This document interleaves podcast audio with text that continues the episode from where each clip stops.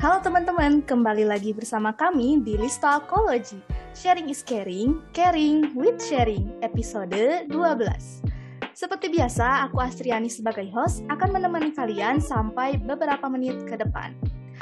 Sebagai sneak peek, kalian pernah nggak sih kalian merasa perlu menghindar pada situasi tertentu, tapi kalian sendiri mungkin nggak tahu apa penyebabnya? Atau misalnya kalian pernah menyadari tingkah laku yang nggak asing, tapi kalian bingung itu asalnya dari mana sih? Nah, bersama narasumber kita kali ini, uh, yaitu dosen UIN Sunan Gunung Jati Bandung, yaitu di Fakultas Psikologi, ada Bu Rika Rahmawati. Halo Bu Rika, apa kabar? Halo, Alhamdulillah baik. Alhamdulillah. Nah, uh, sebelum kita ngobrolin topik hari ini ya Bu, aku mau yeah. ceritain pengalaman teman-teman yang aku kumpulin khusus buat podcast ini. Dan tentunya okay. mereka juga udah bersedia untuk diceritakan di sini cerita mereka. Hmm. Untuk cerita pertama, uh, teman aku ini sering kali merasa oversharing katanya. Segala yeah. hal yang bisa dia ceritain dia cerita. Bahkan uh, hmm. dia itu oversharingnya ke orang yang baru ia kenal atau istilahnya stranger yeah. gitu bu. Nah setelah yeah. dia telusuri katanya di masa kecil dia merasa uh, jarang didengar gitu dan jarang hmm. banget kesempatan dia bisa berbagi ceritanya ke orang yang ada di sekitarnya. Jadi sekarang yeah. pas dia dapat kesempatan buat berbagi cerita, dia merasa merespon hal itu dengan berlebihan yeah. Iya. uh, untuk cerita kedua ada juga teman saya yang dia itu merasa nggak pernah puas sama penampilannya dan dia itu selalu merasa kurang sama penampilannya terutama dari hmm. berat badannya ini cewek ya bu by the way uh, padahal yeah. ya bu yang saya lihat ini dia lumayan cantik gitu loh dan kalau dilihat dari posturnya pun berat badannya itu ya masih di rentang ideal dan okay. setelah saya tanya apakah ada pengalaman masa lalu yang bikin dia sekarang nggak nyaman dengan penampilannya dan mm. ternyata ada katanya dulu uh, dia pas SD dibully sama temennya jadi mm. dulu itu dia uh, diejek gendut katanya diejek jelek mm dan ejekan-ejekan yeah. itu terbawa mempengaruhi hidupnya hmm. sampai sekarang gitu. Nah, e, dari dua yeah. cerita tadi kita bisa melihat adanya persamaan yaitu tentang yeah. pengalaman masa kecil gitu atau sosok masa Betul. kecil yang terbawa sampai sekarang atau mungkin yang sekarang hmm. populer disebut dengan inner child ya Bu. Nah, e, yeah. sekarang kan orang-orang lagi rame ini bahas inner child. Hmm. Terus kebanyakan kalau orang bahas inner child bahasnya itu hal-hal masa lalu yang bikin yeah. dia trauma. Nah, jadi sekarang kita dalam podcast ini bakal bahas tentang inner child. Jadi eh, saya yeah. mau bertanya beberapa hal mengenai inner child. Oke. Okay. Pertama, sebenarnya apa sih Bu eh, inner child itu yang benernya gitu? Apa memang yeah. inner child itu selalu berkaitan dengan hal traumatik? Silahkan Bu. Iya. Yeah. Iya, uh, inner child itu kan sesuatu yang memberikan sumbangsih gitu ya terhadap kepribadian seseorang. Biasanya terasa itu ketika dia sudah dewasa gitu. Ya itu otomatis ya karena memang uh, terjadinya ketika masih child ya sesuai dengan namanya, judulnya inner child gitu.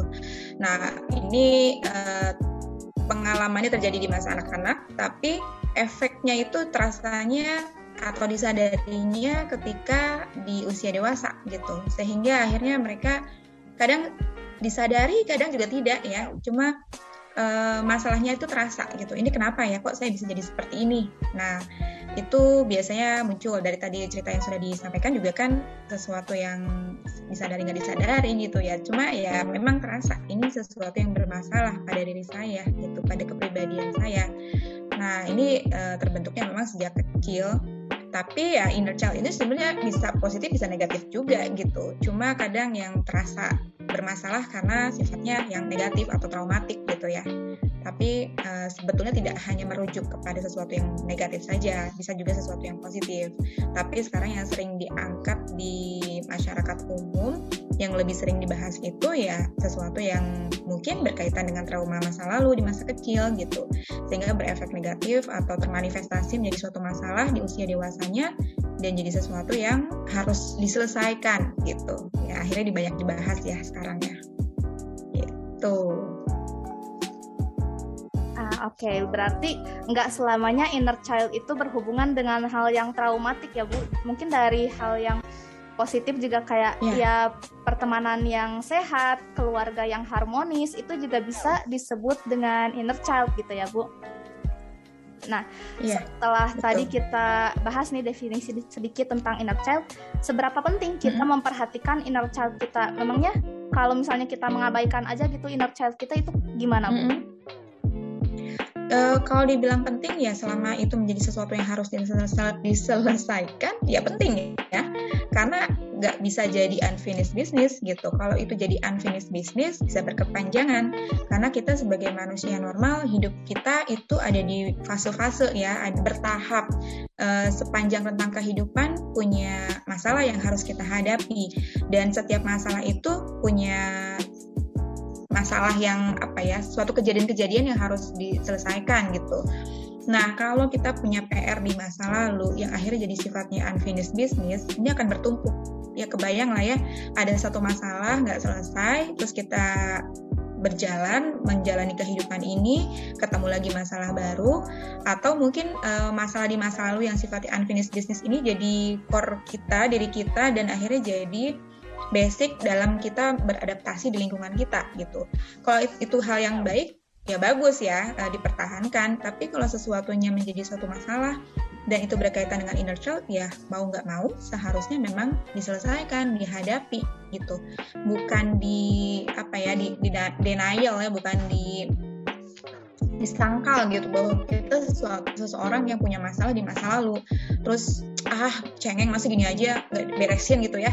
Nah dengan hal-hal yang sifatnya sepele seperti itu uh, bisa jadi efeknya tidak sepele gitu. Sehingga sebetulnya yang yang bijak adalah kita tahu uh, manifestasi apa yang kita rasakan. Biasanya sih kan diwarnai dengan emosi ya emosi yang muncul itu kan jadi satu pesan tersendiri terhadap suatu kondisi kita gitu sebetulnya dan menjadi satu pesan juga terhadap apa sih yang harus kita lakukan di sekitar kita nah minimal emosi-emosi yang muncul dimanifestasikan dalam kehidupan kita itu jadi satu pesan bahwa bisa jadi ini sebetulnya unfinished business yang akar permasalahannya itu muncul ketika kita kecil dulu gitu.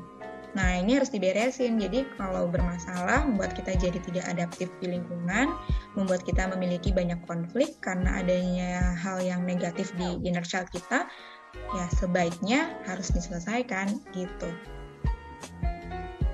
Berarti inner child ini uh, hmm. agak lebih penting juga gitu untuk kita perhatikan mm -hmm. karena uh, ini tuh bisa mempengaruhi aspek kehidupan kita yang sekarang berarti ya Bu.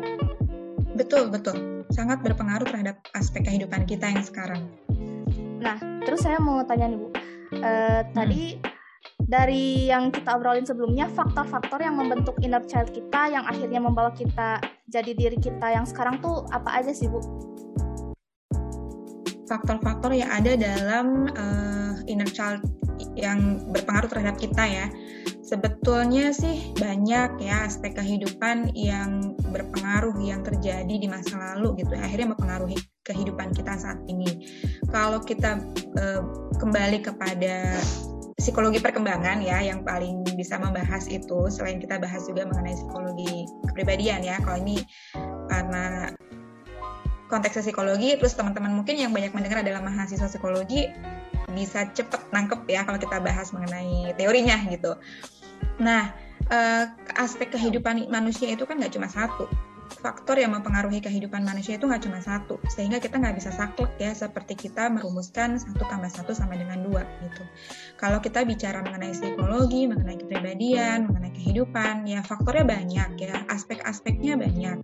Sehingga kalau dibahas apa sih yang berpengaruh, ya bisa berkaitan dengan aspek sosial, bisa berkaitan dengan aspek fisik, moral, kognitif, emosi gitu. Jadi itu semua akan berdinamika, terus ditambah lagi dengan ada aspek nature, nurture gitu ya, ada sesuatu yang sifatnya dari lingkungan, ada yang sesuatu yang sifatnya dari genetik, warisan, nah itu basic teorinya, itu semua akan berdinamika sehingga akhirnya uh, akan termanifestasi pada setiap individu dan bisa jadi manifestasinya beda-beda. Bisa jadi uh, kasusnya sama, bullying. Tapi bullying yang muncul atau efek negatif yang munculnya itu bisa jadi beda-beda. Ada orang yang uh, menghadapi bullying justru dia malah jadi punya defense mechanism yang terlalu berlebihan gitu ya. Atau dia melakukan sesuatu yang akhirnya seperti pertahanan diri tapi uh, terlalu berlebihan, entah misalnya proyeksi berlebihan, rasionalisasi berlebihan, segala sesuatu yang berlebihan kan pasti nggak bagus ya dan akhirnya bisa berefek negatif kepada interaksi sosial kita kepada lingkungan atau mungkin juga berefek negatif pada diri kita sendiri. Atau bisa jadi misalnya uh, emosinya jadi punya kekhasan tersendiri sebagai problem solvingnya gitu karena dia dulunya mungkin dibully. Jadi tiap orang bisa berbeda-beda. Uh, manifestasi perilakunya muncul masalahnya karena memang aspek-aspek yang uh, menjadi faktornya juga berbeda-beda banyak gitu ya nggak cuma satu gitu kurang lebihnya seperti itu. Uh, nah, tadi kan sudah disinggung juga ya Bu aspek kehidupannya. Mm -hmm. uh, mm. Kalau misalnya kita pas dewasa nih, kan kayak bisa dibilang domino efek gitu Bu. Nah dari ya, betul. si domino efek mm -hmm. ini tuh, apakah misalnya bisa juga ke pekerjaan gitu atau ke sosial mm -hmm. si inner child itu bagaimana sih Bu? Ya. Lebih lengkapnya? Iya. Betul, betul Astri. Jadi kalau dibilang domino efek, betul ya. Kita biasanya akan berpengaruh. Akar permasalahannya mah di mana gitu, tapi efek yang kelihatan atau yang terasa itu justru sebetulnya adalah efek dominonya saja gitu. Sehingga kadang orang yang tidak paham bahwa akar permasalahannya itu harus dicari, harus diselesaikan, nggak beres-beres. Jadi tetap aja jangan finish bisnis. Nah, seperti itu tadi yang disampaikan oleh Asli itu betul. Bisa jadi efek dominonya ke pekerjaan, efek domino dominonya ke pernikahan gitu ya kalau sudah ada di situasi itu atau organisasi atau masih ada di pendidikan juga bisa berefek ke situ. Ya di mana orang ini memiliki peran, punya status sosial di situ, bisa jadi kalau inner child-nya bermasalah dan jadi unfinished business di masa dewasanya bisa berefek ke mana-mana gitu. Jadi ya berbahaya ya sebetulnya efek dominonya ini yang yang akhirnya jadi merembet ke mana-mana gitu. Padahal sebenarnya akar permasalahannya cuma satu. Cuma ya kadang disadari kadang tidak. Kadang ada yang aware, ada yang tidak gitu. Okay, nah setelah kita mengenali inner child kita nih bu tadi dari mm -hmm. uh, segi mm -hmm. pengertian, dari seberapa penting kita harus memperhatikan inner child, lalu uh, aspek kehidupan yang akan terpengaruh gitu dari inner child ini. Mm -hmm. Nah, mm -hmm. uh, bagaimana cara kita menyikapi atau misalnya berdamai dengan si inner child tersebut bu? Ya. Yeah berdamai ya berdamai itu yang paling bijak yang bisa kita lakukan sesuatu yang mudah untuk kita ucapkan tapi effortnya usahanya ikhtiarnya itu harus penuh hati gitu. Harus betul-betul diwarnai dengan hijrah gitu ya.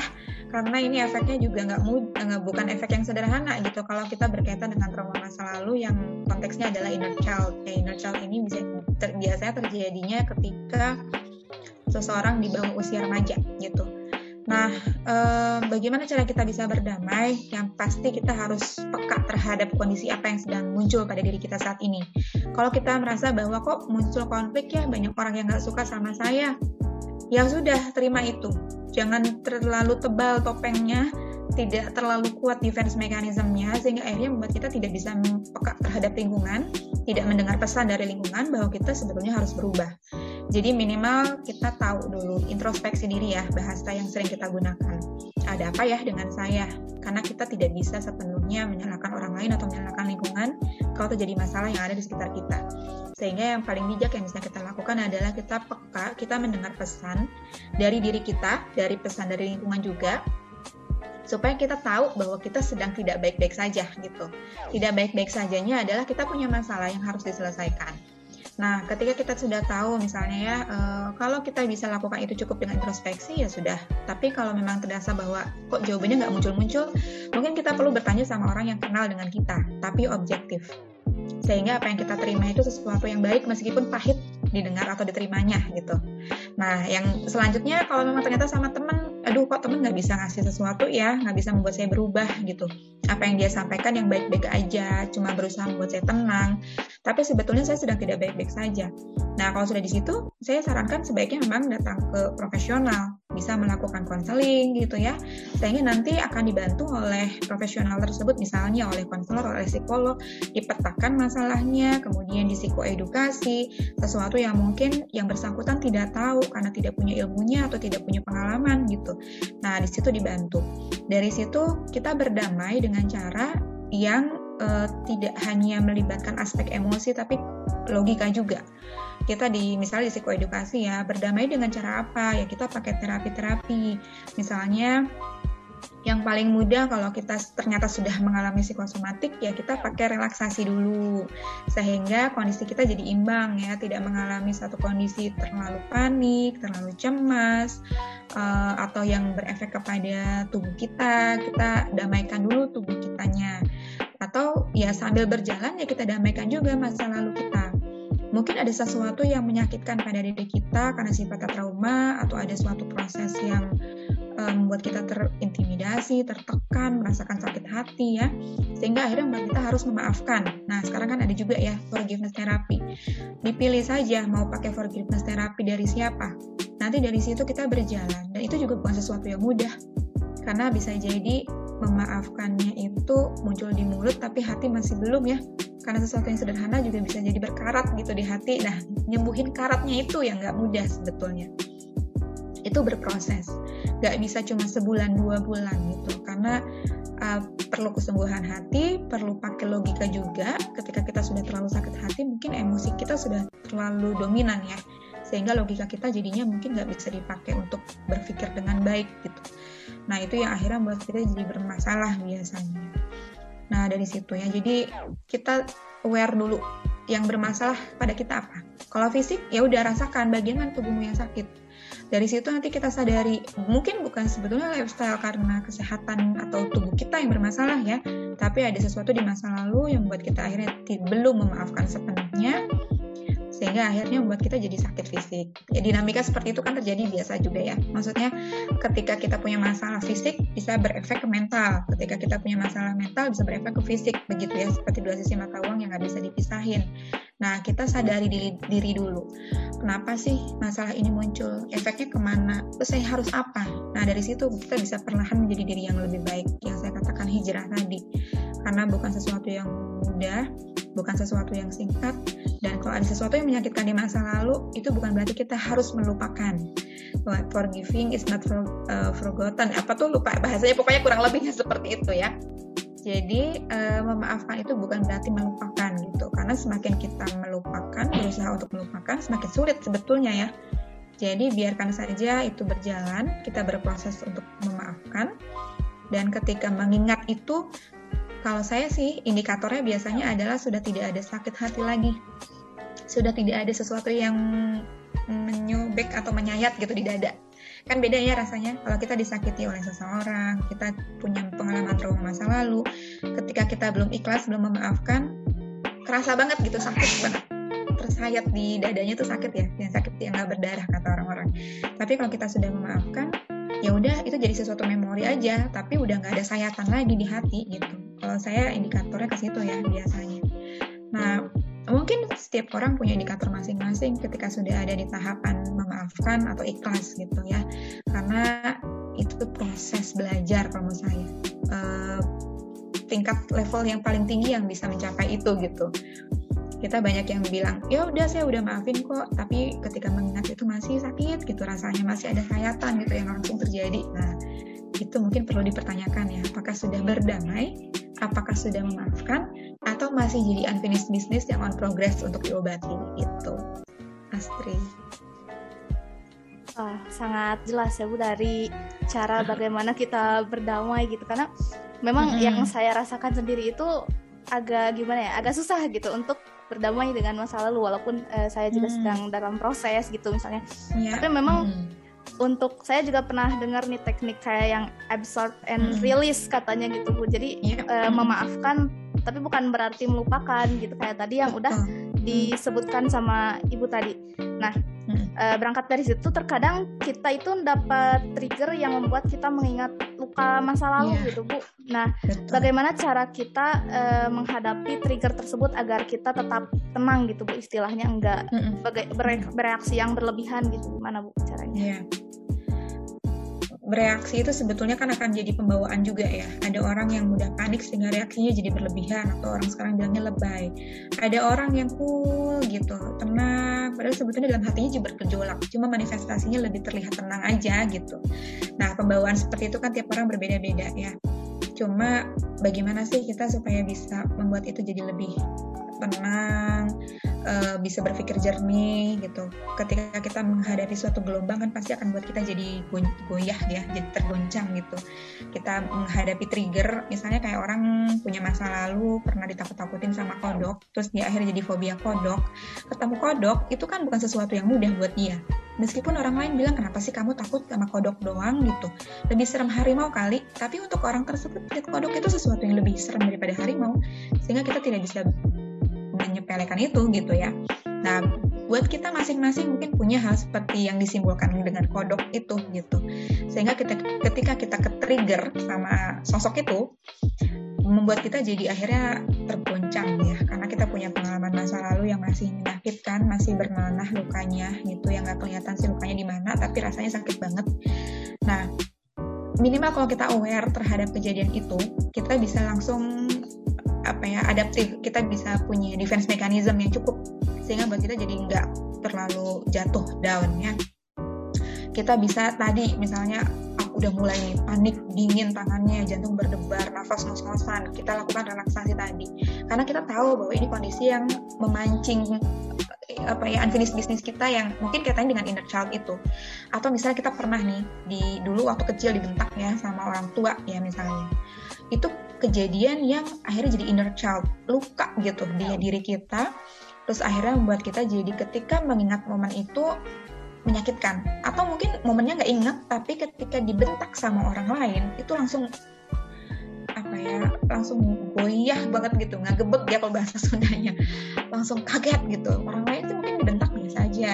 Tapi orang lain yang kena inner child karena dia dulu pernah kena child abuse misalnya atau disiksa secara fisik itu bukan sesuatu yang biasa. Sampai kaget. Terus akhirnya panik terus akhirnya jadi lemah nggak berdaya. Nggak bisa berpikir secara jernih karena hentakan sentakan teriakan orang itu membuat dia jadi tersentil lagi lukanya. Nah kalau sudah begitu ya sadari bahwa saya punya sesuatu dengan hal itu uh, sehingga saya harus berdamai ketika ada momen-momen itu yang saya hadapi dan masih belum saya bisa terima dengan baik. Jadi bisa dihindari atau jadi responsnya jadi lebih baik ya.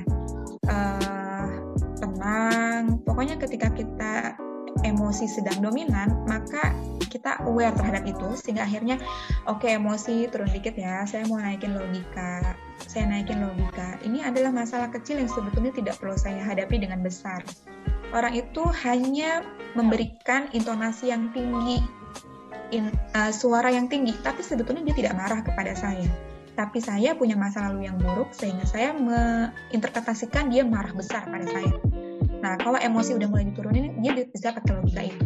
Tapi kalau orang ini nggak kenal apa yang terjadi pada saya, saya, dia tidak paham apa yang muncul pada dirinya, ya emosi ini akan semena-mena mewarnai cara berpikirnya orang tersebut. Sehingga akhirnya dia jadi seperti hilang arah kalau berdiri udah nggak ajak gitu ya terombang ambing gitu sehingga akhirnya logikanya nggak bisa dipakai nah kebayang ya asli yang saya maksud seperti apa. Jadi kalau kondisinya udah seperti itu ya pahami saya adalah orang yang tidak bisa menerima orang lain berbicara pada saya dengan suara yang keras. Karena saya punya masa lalu dengan suara keras Nah, masa lalu itu yang yang dia sendiri yang bisa paham. Kalau dia bisa cipta pada orang lain, mungkin orang lain bisa paham juga. Tapi kan kita nggak bisa cipta pada semua orang ya. Dan kita nggak bisa ngeprotek diri kita sendiri dengan cara, awas ya kamu jangan ngomong keras-keras sama saya ya, saya orang yang begini. Ya kalau kita bisa asertif akan lebih baik. Tapi itu tidak bisa kita kendalikan sepenuhnya. Kita nggak tahu ketemu sama orang yang seperti apa. Sehingga bisa jadi suara keras itu tiba-tiba datang pada kita padahal kita belum berdamai dengan masa lalu kita gitu. Nah, hal yang bisa kita lakukan tadi, mengenali diri kita dulu. Terus habis itu kita tahu apa hal yang bisa kita lakukan on the spot ketika kita panik, ketika kita sedang diserang secara fisik.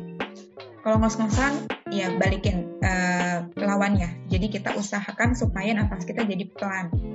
Kalau tangan kita tiba-tiba jadi dingin, kebalikannya apa? Kita usahakan tangan kita jadi hangat kalau kita apa pun itu kondisinya adalah berbalik dengan kebalikannya. Usahakan dengan kondisi itu. Terlalu gerah ya bikin jadi dingin ya. Atau pokoknya intinya seimbangkan fisik kita. Kalau udah deg-degan minum air putih gitu kali ya. Jadi itu apa psychological first aid yang kita lakukan. Pastikan dulu kita sedang dalam keadaan relax juga sehingga itu bisa membuat kita jadi berpikir lebih baik. Pakai logika emo emosinya diturunin gitu. Itu sih gambaran yang bisa saya sampaikan ya betul ya karena uh, dari kondisi fisik tadi sudah disebutkan juga karena fisik dan mental hmm. itu kan uh, satu kesatuan gitu yang sebenarnya tidak bisa dipisahkan gitu saling mempengaruhi yeah. gitu benar-benar yeah. dan kan uh, tadi apa sih kayak solusi untuk inner child ini salah satunya mungkin datang ke psikolog tapi uh, yeah. mungkin dari teman-teman ini belum semuanya siap datang ke psikolog nah jadi yeah. terus katanya saya milih untuk bercerita kepada teman saja katanya. Nah itu tuh membantu nggak kalau misalnya hanya bercerita hmm. pada teman gitu, tapi tidak ke yeah. datang ke profesional gitu bu? Iya. Yeah. Membantu sih bisa jadi membantu ya, tapi sejauh mana membantunya, nah itu yang bisa beda-beda. Ada yang bisa kita katakan itu hanya sekedar katarsis. Kinasri sering dengar istilah ini ya. Itu membantu hanya sesaat uh, meluapkan emosi negatif aja gitu. Abis abis cerita ke teman lega, tapi sebetulnya core atau akar masalahnya belum beres. Nah, yang harus kita beresin itu kan akar permasalahan sih sebetulnya ya yang tadi sempat kita bahas juga efek domino bisa jadi emosi negatif ini ya hanya efek domino yang kita keluhkan ke temen. Temen kita kalau dia punya bekal jadi peer counselor ya akan lebih baik. Tapi kalau dia hanya sebagai active listener aja atau dia hanya berbasic uh, berlandaskan pada helping relationship ya itu hanya sesaat mungkin. Jadi dia tidak sampai uh, terobati sampai ke akar permasalahannya gitu. Tapi itu lebih baik sih kalau saya setidaknya kita bisa curhat ke teman kalau memang teman kita bisa diandalkan ya. Daripada kita memendam sendirian berusaha untuk menyelesaikan sendiri tapi nggak beres-beres. Atau misalnya kita mengalihkan kepada sesuatu yang lain tapi justru menyakiti diri kita. Banyak juga so, uh, problem solving seperti itu. Atau respon-respon yang seperti itu. Yang sekarang terjadinya akhirnya jadi ya bu ini kan sakitnya nggak berdarah jadi gimana caranya saya bikin sakitnya berdarah gitu nah itu jadi bermasalah ya sesuatu yang menurut dia mungkin itu solusi tapi sebelumnya enggak. Nah, itu yang harus disampaikan oleh profesional. Nanti akan disampaikan oleh profesional ketika ketemu dalam konteks yang profesional gitu. Kalau ketemu udah cukup, masalahnya udah selesai, oke. Okay. Tapi kalau belum, atau misalnya akar permasalahannya belum selesai, ya itu jadi harus diselesaikan gitu. Nah, unfinished business ini kadang seperti itu sampai dewasa cuma cerita ke sahabat aja gitu. Tapi sahabat juga tidak bisa memberikan solusi yang yang baik ya. Uh, ya akan terus jadi bermasalah. Karena sebetulnya juga jangan berpikir bahwa psikolog juga problem solver ya. Sebetulnya bisa jadi ketika konseling itu hanya hanya reflecting aja. Kita cerita kita yang terinsight. Kita cerita kita terinsight gitu. Nah untuk memberikan insight itu itu profesional akan ter, sudah terlatih dan jadi active listener atau orang yang mendengar menyimak dengan baik juga itu bukan sesuatu yang mudah ya. Tapi ketika kita bicara kepada profesional atau kepada teman kita yang sudah tahu ilmunya itu akan lebih tertata gitu masalahnya. Dan progres untuk menyelesaikannya juga akan lebih terlihat gitu ya. Nggak berlarut-larut jadinya. Gitu Astri Nah, berarti tadi untuk pembahasan inner child ini sudah cukup lengkap ya Bu dari mulai definisi, uh, seberapa penting kita memperhatikan, terus solusi bagaimana kita berdamai. Uh, mungkin ada satu kesimpulan mungkin Bu atau closing statement sebelum kita akhiri podcast kali ini. Iya. Yeah. Closing statement saya sih sebetulnya ada dua ya. Ada pada orang yang mungkin sedang mengalami ini, menyadari bahwa dia memiliki inner child yang masih unfinished business yang harus segera diselesaikan, ya tadi uh, hadapi saja itu, terima itu bahwa kita memang memiliki masa lalu yang menyakitkan dan masih menjadi luka. Sehingga tugasnya sekarang adalah segera obati luka itu supaya tidak berkepanjangan. Minimal tidak menyakiti diri kita sendiri dan juga tidak menyakiti orang lain yang kita sayangi di kehidupan kita selanjutnya gitu. Maksudnya di fase kehidupan selanjutnya.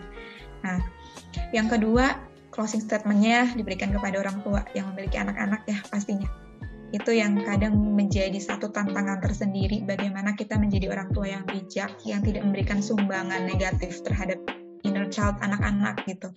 Jangan sampai itu terjadi ya. Semua orang pasti berusaha untuk menjadi orang tua yang terbaik ya. Nah, itu adalah hal yang harus kita sadari dalam pengasuhan kepada anak bahwa bisa jadi hal yang kita anggap biasa, hal yang kita anggap itu juga terjadi pada saya di masa lalu, itu bukan hal yang biasa untuk anak-anak kita gitu. Karena kehidupannya sudah berbeda. Kita tidak bisa menyamakan setiap generasi, tidak bisa menyamakan setiap zaman ya. Jadi kita harus bisa peka bahwa siapa yang kita asuh itu punya zamannya sendiri.